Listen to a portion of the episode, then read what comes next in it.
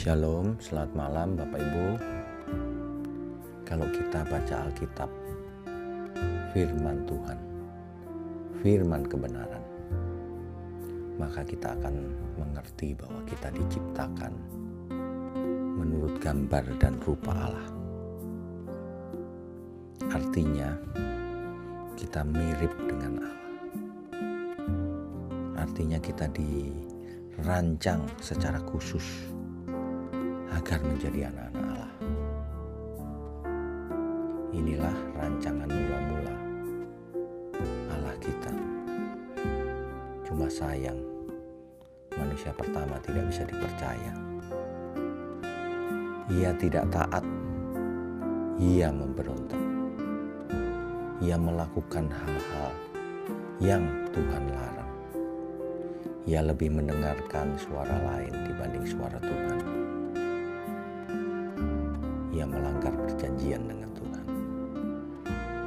Hari ini, janganlah kita belajar pada yang salah. Belajarlah pada firman kebenaran. Sebab firman kebenaran itu akan menyelamatkan. Menyelamatkan kita semua dari cara hidup,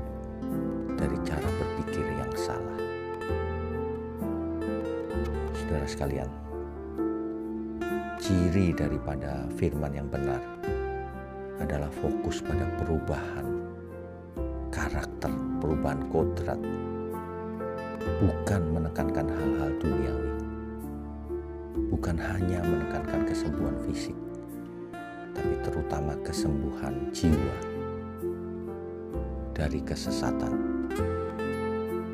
Itulah ciri dari kebenaran sukses di dunia ini, sehat di dunia ini. Tapi yang terutama adalah karakter kita harus kita siapkan untuk menghadap Tuhan suatu hari nanti. Kiranya kebenaran ini boleh membuka pikiran dan wawasan kita semua. Selamat malam dan selamat tidur. Tuhan Yesus memberkati. Amin.